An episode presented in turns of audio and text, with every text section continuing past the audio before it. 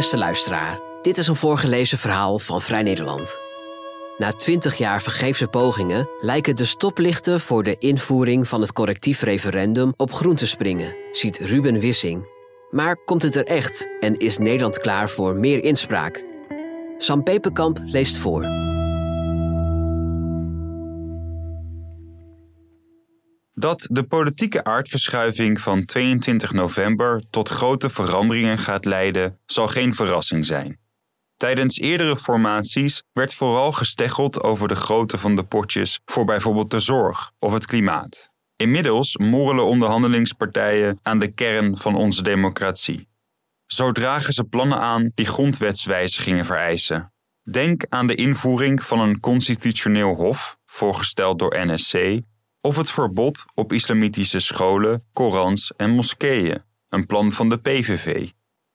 Om een grondwetswijziging te realiseren, moet zo'n voorstel twee keer worden aangenomen door de Eerste en Tweede Kamer.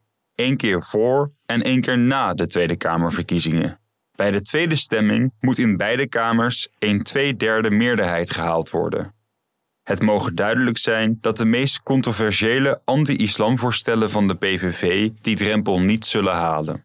Toch is er één grondwetswijziging die in 2024 een grote kans maakt het te halen: het correctief referendum. Oud-SP-Kamerlid Renske Leijten diende in juli 2022 het voorstel in voor de invoering van een bindend correctief referendum. Dag nadat een vergelijkbaar voorstel werd verworpen, net als vele daarvoor. Het huidige voorstel houdt in dat kiezers wetten die zijn aangenomen alsnog kunnen afschieten via een referendum dat burgers zelf initiëren.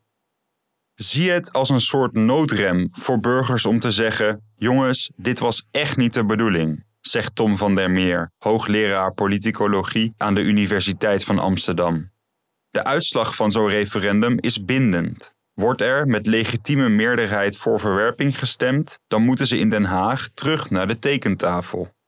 Volgens INO Research is 57% van de Nederlanders voorstander van het correctief referendum. Het voorstel is al door de eerste ronde heen. In 2023 stemden zowel de Eerste als de Tweede Kamer voor. Toch zijn ze er nog niet. Traditioneel liggen regeringspartijen als CDA en VVD dwars, zegt Paul Bovend-Eert, hoogleraar staatsrecht aan de Radboud Universiteit. Bovend-Eert ziet dat ook een partij als D66, die het referendum ooit als een van hun kroonjuwelen beschouwde, sceptischer is geworden.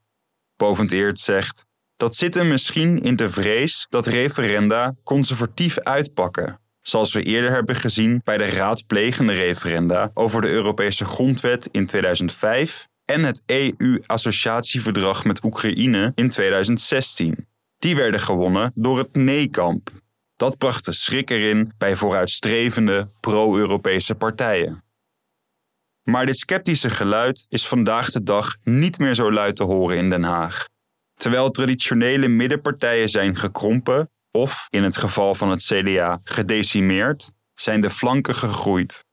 SP, GroenLinks PvdA, Partij voor de Dieren, PVV, Ja21 en Forum voor Democratie zijn allemaal voor het correctief referendum.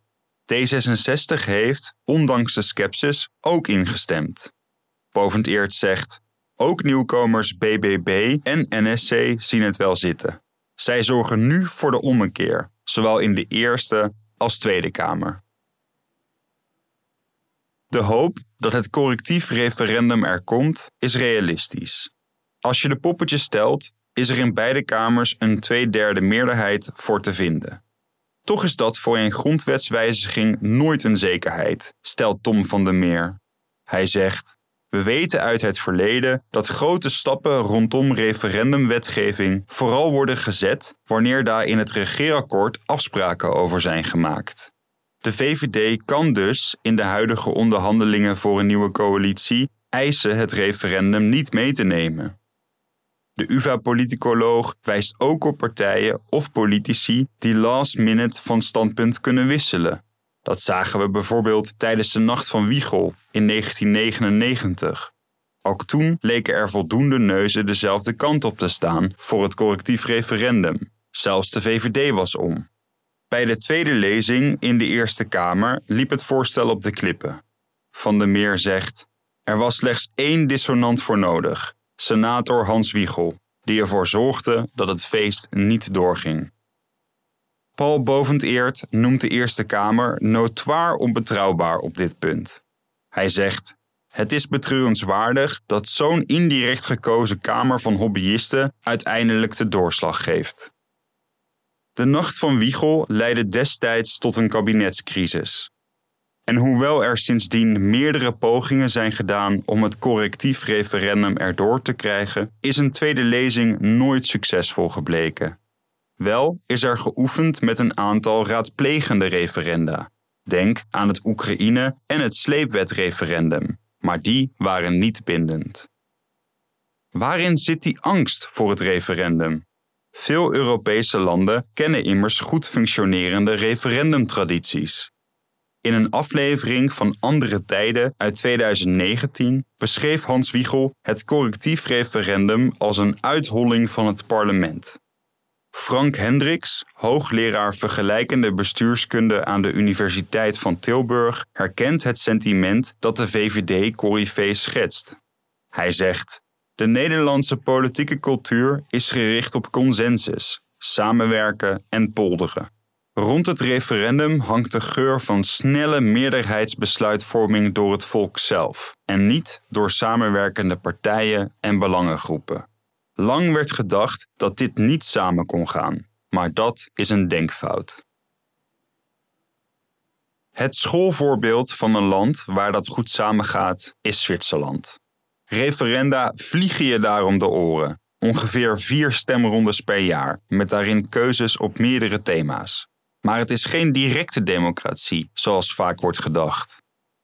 Het idee van een politiek systeem waarin gewone burgers al het beleid direct zelf zouden maken, komt niet overeen met de praktijk van de Zwitserse politiek, noch dat van andere landen die referenda houden, zegt de Zwitserse Alice Elwakil, politicoloog aan de Universiteit van Kopenhagen.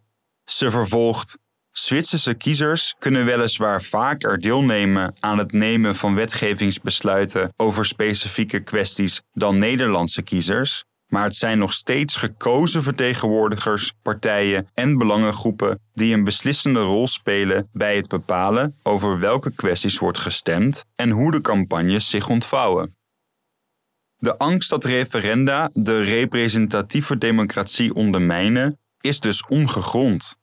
El Wakil zegt: referenda maken onderdeel uit van een representatieve democratie. De politicoloog ziet in andere landen, waaronder Nederland, vaker de vrees voor referenda. Zo zou het populisme uitlokken en een polariserend effect hebben. De Tweede Kamer is nu al een plek van wappermoties, misleidend gemonteerde FVD-filmpjes en ongenuanceerd gebekvecht op X. Zouden referenda partijen niet in een voortdurende campagnestand storten, inclusief populistisch theater? Volgens Van der Meer en El Wakil is daar geen empirisch bewijs voor. Sterker nog, als er vaker kan worden gestemd, zou populisme minder voet aan de grond kunnen krijgen. El Wakil zegt: Populistische partijen claimen vaak namens de meerderheid van het volk te spreken. Als een referendumuitslag hun wet of standpunt verwerpt, zijn ze die positie kwijt. Dat gebeurde afgelopen november in Ohio, waar Republikeinen de scepter zwaaien. Zij besloten abortus ongrondwettelijk te maken. Tegenstanders organiseerden een referendum om deze beslissing te bevechten. Met succes. Abortus blijft legaal de Republikeinen verloren en kwamen zelfs in opstand tegen de uitslag van het referendum. Niet echt wat je noemt populistisch. Een veelgehoorde kritiek op het referendum, bijvoorbeeld uit de hoek van de VVD of het CDA, is dat je complexe wetgeving reduceert tot een simpele ja-nee-vraag. Volgens Tom van der Meer snijdt die kritiek geen hout. Hij zegt: bij een correctief referendum is het voorwerk al gedaan door de politiek. Daarna stemmen de Tweede en Eerste Kamer ook simpelweg voor of tegen.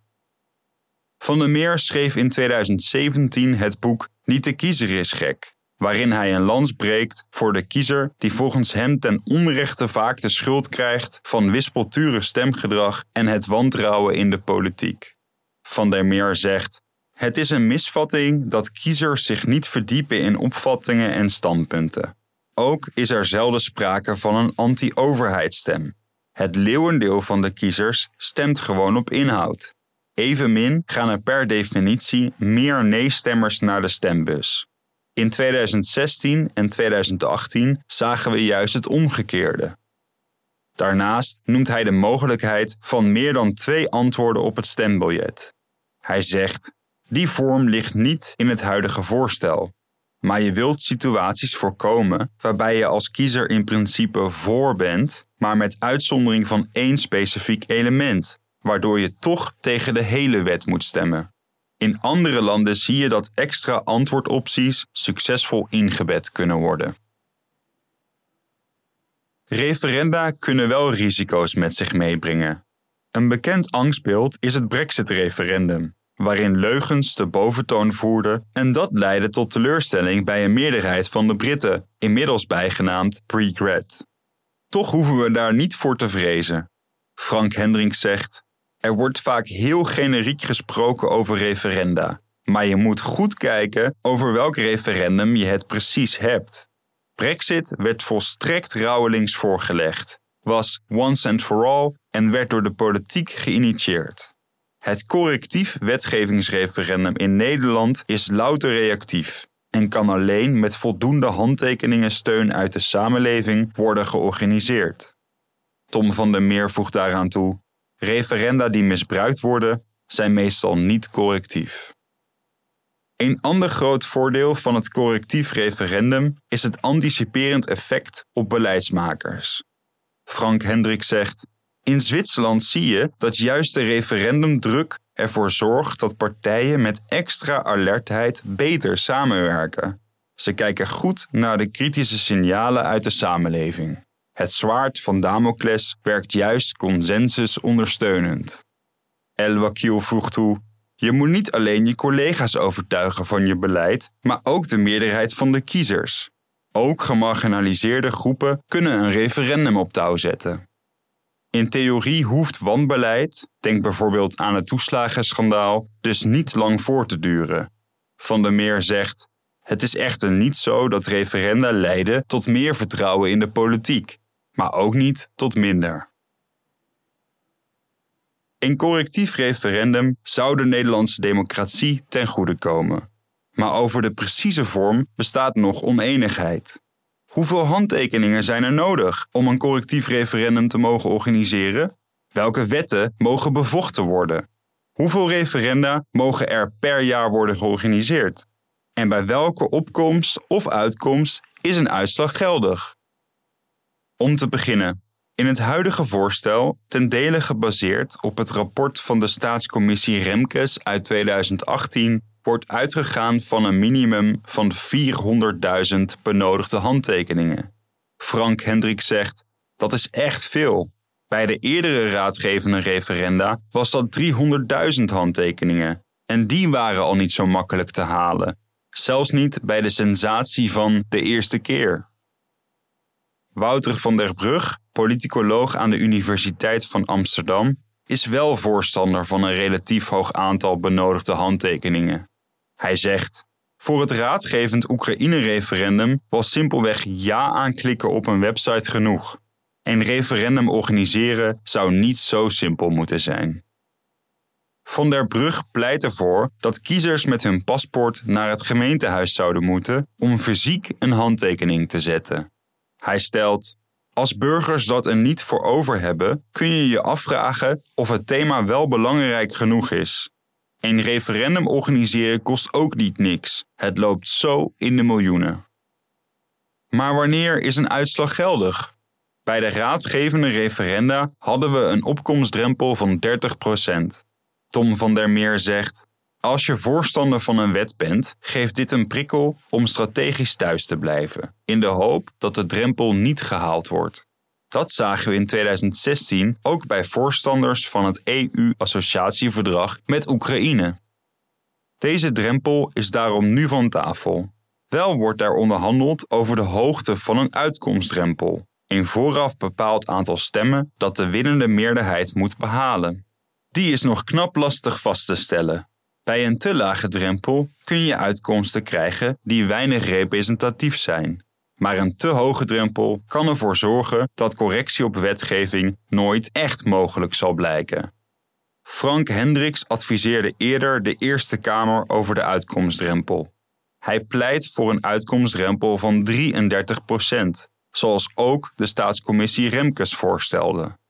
Hendricks zegt: Alles binnen een bandbreedte van 20 tot 35 procent zie je in het buitenland goed gaan. Tom van der Meer is het inhoudelijk eens met Hendricks, maar vindt dat de grondwet niet bedoeld is voor specifieke uitvoeringsbepalingen. Wel raadt hij aan dat de grondwet de principes achter de hoogte van de uitkomstdrempel opneemt, zoals representativiteit en haalbaarheid.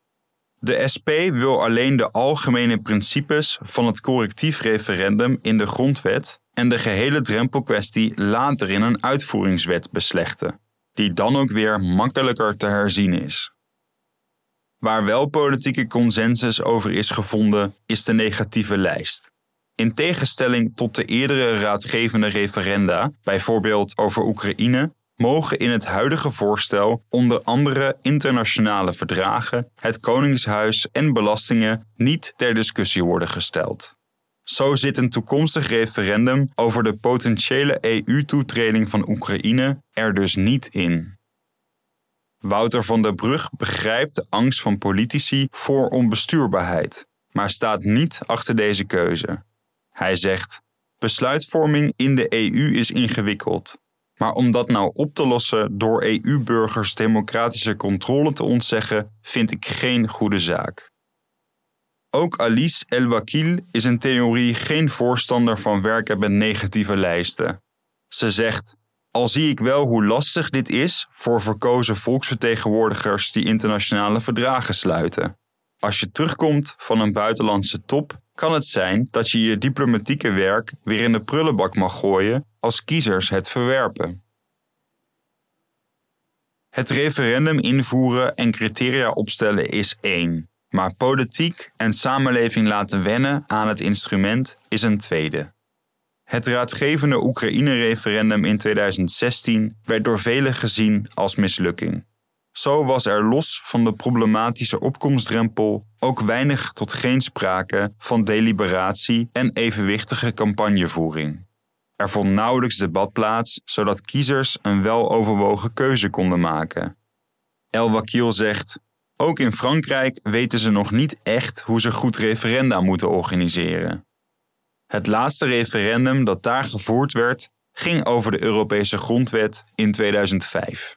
El Wakil zegt: Sindsdien zijn er wel nieuwe referendapogingen gedaan door politici, maar die haalden de drempel niet, omdat er nauwelijks aandacht voor gegenereerd werd en het handtekeningensysteem slecht georganiseerd was. De zittende regeringspartijen hebben nog niet echt door dat zij aan de bak moeten om hun keuzes te verantwoorden. Anders is dat in haar thuisland Zwitserland.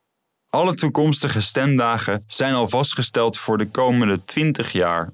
Vier maanden van tevoren wordt een referendumonderwerp vastgesteld en uiteindelijk drie weken van tevoren ontvangen burgers een pakketje met alle benodigde informatie. Een stembiljet, handleiding, korte samenvatting van alle standpunten van de partijen, statement van de overheid en initiatiefnemers en de volledige tekst van de wet in kwestie. Soms wel 60 pagina's lang.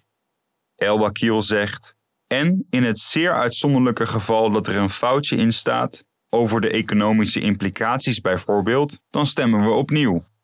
Dit pakketje vormt de basis voor het maatschappelijk debat.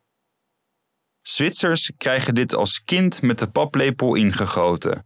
Maar ook in een land als Ierland zie je dat de kiezer actief betrokken wordt bij referenda. Frank Hendricks zegt: daar koppelen ze soms zelfs burgerfora aan het referendumproces. Een willekeurig geselecteerde groep van representatieve kiezers brengt dan adviezen uit in begrijpelijke taal voorafgaand aan de stembusgang.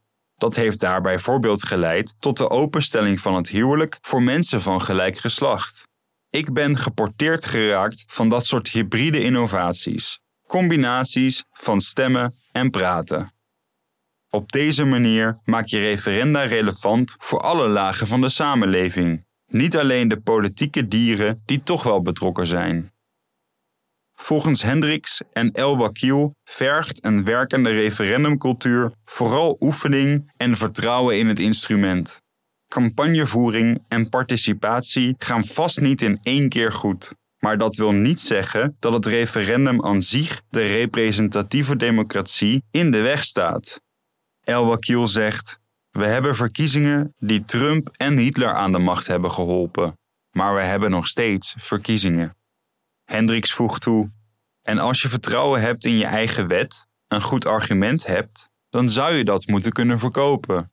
Als je dat niet lukt, verdient je wetgeving het misschien ook niet.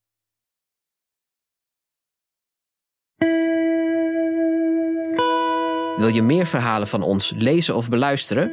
Kijk dan op vn.nl of abonneer je op Vrij Nederland in je podcast-app. Voor onze trouwe luisteraars hebben wij ook een speciale actie. Een half jaar Vrij Nederland online voor maar 15 euro. Kijk voor de aanbieding en de voorwaarden op vn.nl/podcast. Bedankt voor het luisteren.